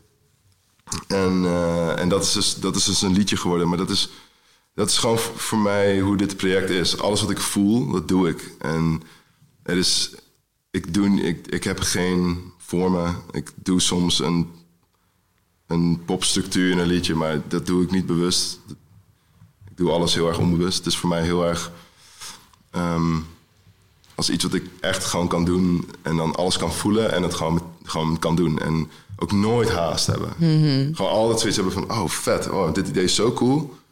Ik heb er nu geen, echt geen ruimte voor. Ik ga nu een voice demo opnemen en dan over een half jaar ga ik er gewoon iets mee doen. En dat, dat gaat dat heel goed. En schrijven is zo leuk, want ik, ja, eigenlijk altijd als ik ga zitten komen, komen er gewoon ideeën en dingen. En het is een soort van oneindige rivier die, die blijft komen. En ik moet. Ja, ik had dus acht nummers geschreven voor dit volgende project, voor dit, uh, voor dit uh, tweede album. En toen op een gegeven moment heb ik een soort halt aangeroepen van ja, er komen zoveel ideeën bij en zoveel dingen bij. Ik ga nu helemaal op deze dingen, op deze acht nummers focussen. En dan ga ik dat uh, opnemen. Mm -hmm. en, um, daar ben je onlangs mee begonnen, toch? Daar ben ik vorige week mee begonnen. Vorige week. En gisteren ja. hebben we de laatste opnamedag gehad. Oh, nee. Dus, ja, en we hebben nog wel een paar dingen nodig. Dus we gaan nog, nog een keer opnemen in december. Ja. Dan gaan we nog uh, basgitaren doen, die missen heel erg nog. Ja. Het is echt heel vet, maar ja. basgitaar... Ja, mijn broertje Robert, die ook in Copper Sky speelde... die is uh, een ongelofelijke bassist. Hij is echt insane en heel, heel erg leuk om mee te spelen. En wij zijn soulmates. En dus als wij... Ik weet niet, als wij praten samen of als wij muziek gaan maken... dan is het echt zo... We moeten er echt meteen iets geboven in space-time. Mm -hmm. en, en daar gebeurt iets. Mm -hmm. uh, dus dat is, dat is echt mijn soulmate. Mm -hmm. En, uh, of een van de. Um, dus hij gaat nog bas spelen en hij gaat het echt zo hard nelen. Het wordt echt, echt een hele coole plaat. Uh, veel persoonlijker dan het eerste werk ook. En um, ik ben wat meer naar die mantra's gegaan. Wat meer naar die... Naar meer, naar meer naar de woorden die ik gewoon wil. Want ik, want ja, dat is ook een deel van mijn, van mijn onzekerheid. Dat ik niet, ik wil ook niet heel veel zeggen. Ik, hoef, ik wil ook niet zo heel veel hoeven te zeggen of zo. Mm.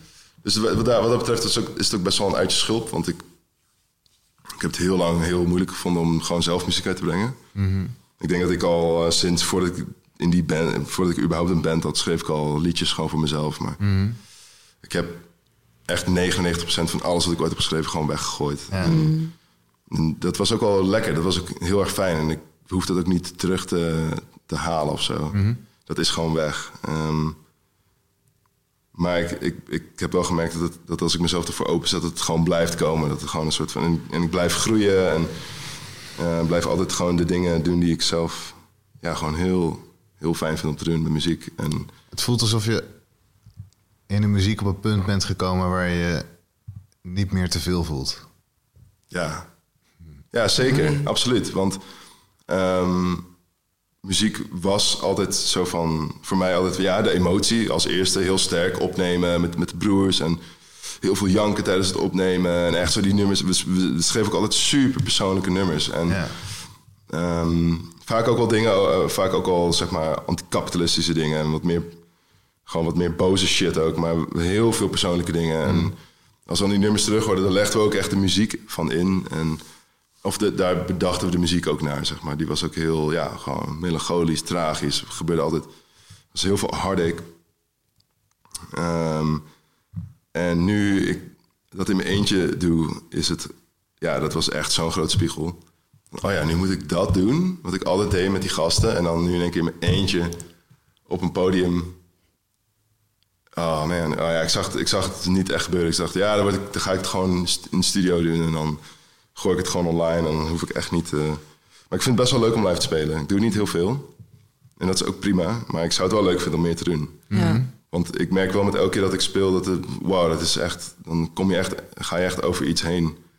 En dan leer je weer zoveel over jezelf. Eh, of dan leer ik weer zoveel over mezelf. Ja. En En je bent frontman. Dus je kan je niet meer verschuilen Ja. achter eh, al die, eh, al die Nee. broers. Alhoewel ze wel eens een beetje op het podium staan, maar... ja, precies. Het, ja, gaat, het ja. gaat om jou in dit geval. Dus je- Ja, het gaat om mij. Het is mijn verhaal. Het is mijn, mijn eh, epische verhaal over hoe Ja. ik eh, de, de jij keihard bent, jij bent neerstort. degene die, die op, in het gangpad blijft staan... en de rest van de mensen moet om jou heen lopen. Ja. ja, precies. Ja. En Mensen moeten dan naar jouw tijdslot komen. Ik moet dan, oh, tien voor vier speelt eh Hendren. Oh man. Maar dan wil ik die zien. Wauw, wat een bastard. Wat een, wat een, wat een lul dat hij dan speelt. Ja, en, en dus eigenlijk ook zijn we weer een beetje terug bij dat eh, gevoel van in je eentje muziek maken. Of in je eentje een bepaalde ervaring hebben. En daar dan toch weer die. eh, en dat dan toch ook delen weer. Mhm.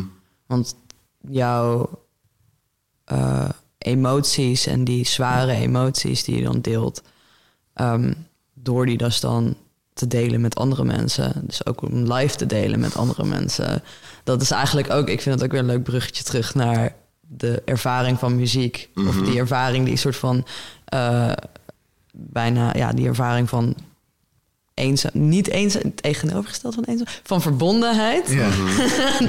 Het duurde even weer voor mijn brain could brain. dat gevoel van verbondenheid en dus dan de verbondenheid door dan eh, eigenlijk de pijn of de, ja, de negatieve gevoelens, die dan weer een mooi positief gevoel kunnen brengen. En dus dat idee van je kan in je eentje eenzaam zijn, maar je kan ook, terwijl er heel veel mensen om je heen zijn, eenzaam zijn.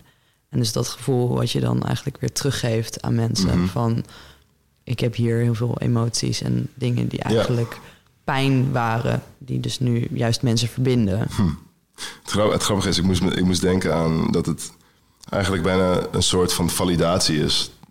Dat waar ik doorheen ben gegaan, dat ik dat mag delen, omdat ik daar doorheen ben gegaan. Ja. En ik denk dat het voor veel artiesten ook een soort initiatie is in, in dat te kunnen doen. En, en er ook gewoon scheid kunnen hebben aan dat mensen daar staan. Want op een gegeven moment is het zo van, ja, maar dit is, dit is zo persoonlijk bij mij dat het me echt geen, echt geen moer uitmaakt wie er staat of hoeveel mensen er staan. En, Er, is, er is niemand die kan zeggen, dit, dit klopt niet, dit is niet waar. Dat is jouw nee, verhaal. precies. En, en, maar ook gewoon, ja, ook gewoon.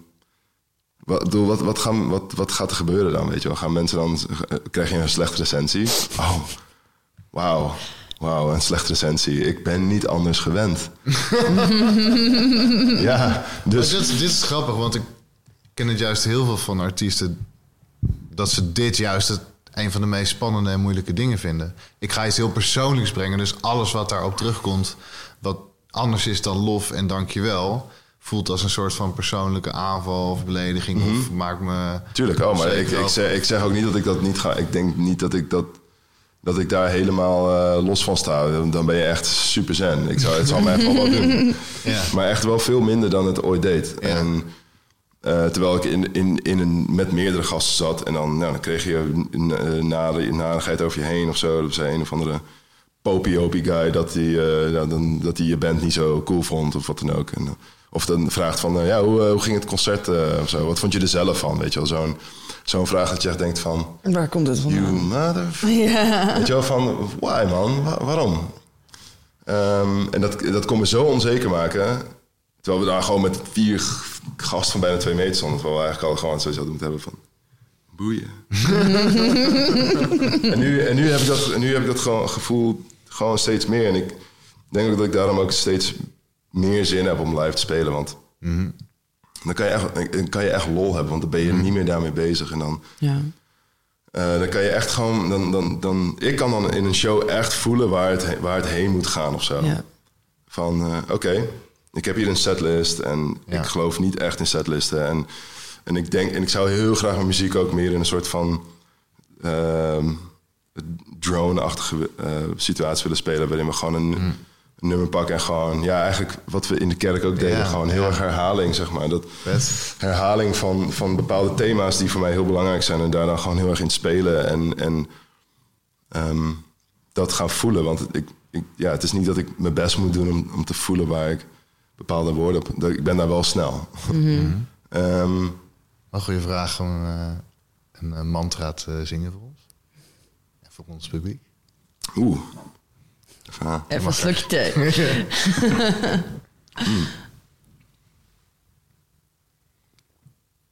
Wat voor microfoon is het? Het is jouw microfoon. SM7. SM50. Ik weet niks van microfoons. Eén van, één van deze drie heb ik van jou gekregen. Ja, precies deze. Oh, Ja. nice man. Is Ja, dat tapeje. Ja, precies. Oh, kijk. Nice. Gaat hier eerst even wat voor microfoon is? Nou, even kijken hoe ver ik Ik weet niks van microfoon. Ehm, ja, wat, oeh, ja, wat voor categorie wil je, man? We kunnen echt heel heftig gaan. Ik weet niet, wat voel je?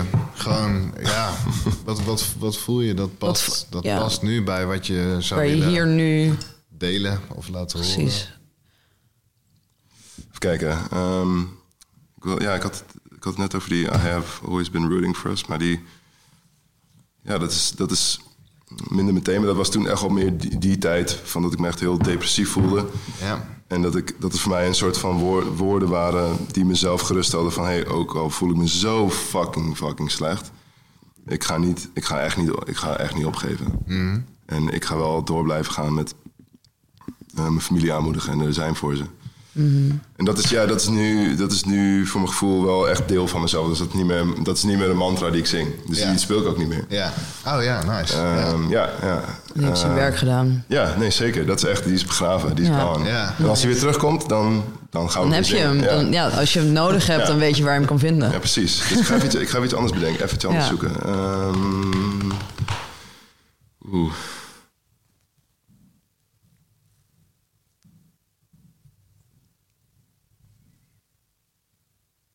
Oké. Ehm, de, ja, dit is een nummer die ik van de week heb opgenomen. En die heet eh, Cannot Heal. En Cannot Heal gaat... ehm, gaat voor mij heel erg over ehm, de, de enorme drukte die ik heb in mijn hoofd. En dat ik het super moeilijk vind om echt te focussen op één, één van de stemmen die je hoort of één van de dingen die je hoort. Want ik wil altijd alles tegelijk doen. En, en ja, ik heb gewoon een heel, heel hyperactief gewoon. Mijn ik ben zelf niet heel hyperactief, denk ik. Ik kan wel de hele tijd met mijn- mijn been zo heen en weer bewegen. En Ja. ehm, Je bent tenminste is heel bewegelijk. super druk. Ja, en- en energiek. Ja, ja, ja, zeker. Ja, absoluut. Maar ik kan ook heel... Mensen kunnen het idee dat ik heel rustig ben, maar ik kan ook echt helemaal losgaan. Ehm, ook met muziek, zeg maar. Ehm, maar de, de, dit nummer gaat eigenlijk meer om, om de stemmen die je dan hoort in je hoofd. En dat, je, dat ik gewoon niet weet wat de hel ik moet doen op, op een bepaald moment. Of zoals ik echt niet meer weet wat ik moet doen. Um, in de tekst is: I cannot heal until you forget my name. I cannot heal. I cannot heal uh, till you till you forget my name. Till everything forgets my name. Um, soort van ja, soort van. Ik vind het soms dan vind ik het zo moeilijk om om in een, in een gesprek te focussen of zo. Omdat ik dan zoveel andere dingen voorbij zie flitsen en dingen en connecties maak en. ehm, en, ehm, en dit, dit nummer is eigenlijk een soort van, ja, come on man. Everything, forget my name, weet je wel. Een soort mantra waarin ik eh, gewoon meer focus zou willen hebben. Meer hyperfocus. Meer, of niet, niet, per se hyperfocus, maar gewoon meer focus op mensen. En dat ik gewoon niet ehm, uit het doel eh, kwijtraak wat ik... Wat, oh, dat is een kutzin. Dat ik niet kwijtraak wat ik eh, moet doen, zeg maar. Ja. En niet uit het oog verlies wat ik moet doen. Ehm, dat vind ik soms, soms best wel lastig. Oké, brother. Eh, Sing it. all right. Mm. Ik ga hem wel laag zingen, dat werkt wel goed bij deze mic. Ja, de, Can't get, can't uh, get clean. I can't get clean. Dat is ook een, eh, dat is het, dat is een tweede vers. Oké. oké. Ik ga nu I cannot heal. I cannot heal. I cannot heal. I cannot heal until you forget my name and everything.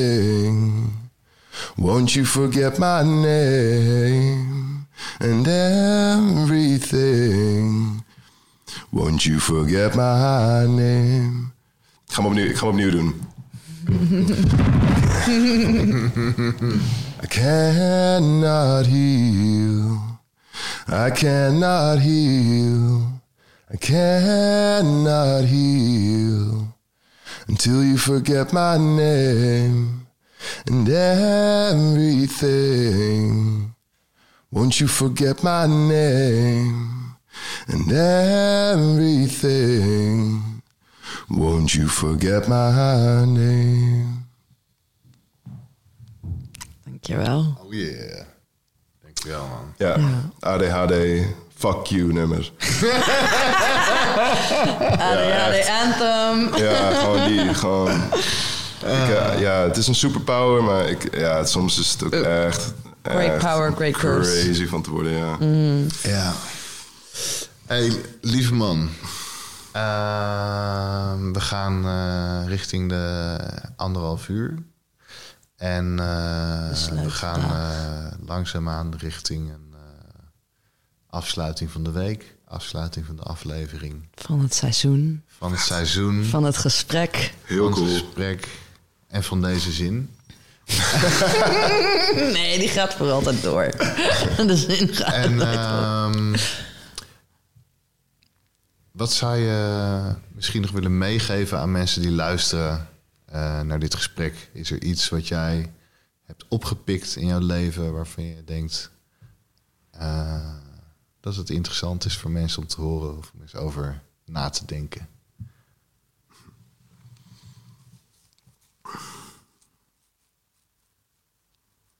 Ja ik, denk, ja, pff, ja, ik denk dat mensen altijd naar de sterren moeten blijven kijken. Altijd.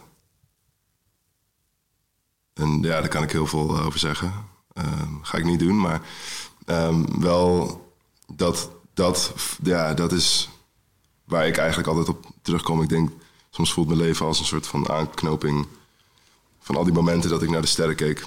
En dan tussen gebeurde allemaal shit. En toen stond ik daar te kijken zo en... Ehm I don't know, dat, is, dat hoef je natuurlijk niet te doen. Ik weet niet. Ik ken genoeg mensen die het geen zak aanvinden. Dat is prima. Het, het is, er, het is er gewoon, weet je. Het is er altijd. Het is er altijd geweest. En het zal er altijd zijn. Ja. En eh, eh, ja, ehm, dat, is, eh, dat is niet in ja, misschien wel een beetje in de plaats gekomen van een, eh, een grote witte godman die in de hemel woont. die, dan, is, ja, dan is dit voor mij wel die versie daarvan. Van hey, stil, stilstaan. Het is, het is ook meditatie. Het is ook ehm, eh, liefde en gewoon liefde voor jezelf. Gewoon even stil, even gewoon je hele lichaam gewoon voelen en gewoon kijken. Yeah man. Dat is gewoon, eh, dat is waar we vandaan komen. We zijn allemaal stofjes. Eh, ja, ik wil, niet, ik wil niet spiritueel houden. Het is gewoon, dit is, dat is gewoon, ik, ik, heel vaak sta ik te kijken naar de sterren en dan ben ik verstoond en dan denk ik, vet man. en, en dan heb ik helemaal niet het idee van, oh ja man, weet je, ik zweefde door de, we zweefden hier doorheen en toen zijn we uiteindelijk mens geworden en helemaal die, die hele consciousness trip. Gewoon, het is gewoon vet. hey, daar is die ster, wow, daar is die ster, vet. Daar is Jupiter, daar is Mars. Die komen af en toe komen ze voorbij, soms staan ze dicht bij elkaar. Super cool. Bouw, ik ga slapen. En on that note, Dank jullie wel. ja, heel Dank erg jou wel. Marty. Ja, Dank, thanks. dankjewel dat je dit met ons eh, wilde doen en dit wilde delen. Dankjewel, lieve graag gedaan. luisteraars, lieve Joris, dankjewel. Eh ja, wij hebben, eh, dit is het tweede seizoen wat we nu Gefeliciteerd. Ja, goed gedaan. Echt. Ehm, ja, eh, als je mensen kent die eh, onze podcast eh, kunnen gebruiken. eh, als je iemand kent die deze aflevering moet horen, eh, stuur het dan vooral door. Ja, Eh, meld je ook alsjeblieft aan voor seizoen 3. wij zijn altijd op zoek naar mooie verhalen, kleine overwinningen, grote transformaties, knullige dingen, spirituele dingen, alledaagse dingen. Eh, Als jij uit je schulp bent gekomen... of je kent iemand die uit de schulp is gekomen... Als Of jij, er, of er of- half, half in zit. of als jij nog niet uit je schulp durft te komen... maar dat wel heel graag wil... je bent welkom bij ons aan tafel. En wellicht als jij een bericht stuurt... dat je dan ook hier terechtkomt bij ons... en een gesprek met ons gaat voeren. Doe. daarover. yes. Hebben we verder nog iets? Eh, ja, we zullen wat linken naar jouw Hendren-project Sure. Zeker. Cool. eh, op onze show notes. Ehm, heb jij nog een, een sluitwoord? Nee, ik ben gewoon eh, ik ben blij. Ik ben blij, Ja. content, dankbaar. En eh, ik heb zin in een pilsje. Ja, Ja. oké. Eh, door wie is deze seizoen gesponsord? We hebben helemaal geen sponsoring. eh, we zijn onze sponsoren helemaal vergeten. ja, dat, dat doen we nu. Nog een wo- word from our sponsors. ik, denk, ik, denk het, ik denk het lichaam. Lichaam, ja. Ja, Ja. het lichaam en het hart. Ja, Oh, nice. ja. Ja. We zijn, we, deze aflevering, dit seizoen, seizoen 2, is gesponsord Ja. door het lichaam. Ja. Luister ernaar. Geef het tijd, geef het rust, geef het goed eten, geef het liefde. ja. En on that note, En on that note, dank jullie wel. dank jullie wel. Tot de volgende. Bye.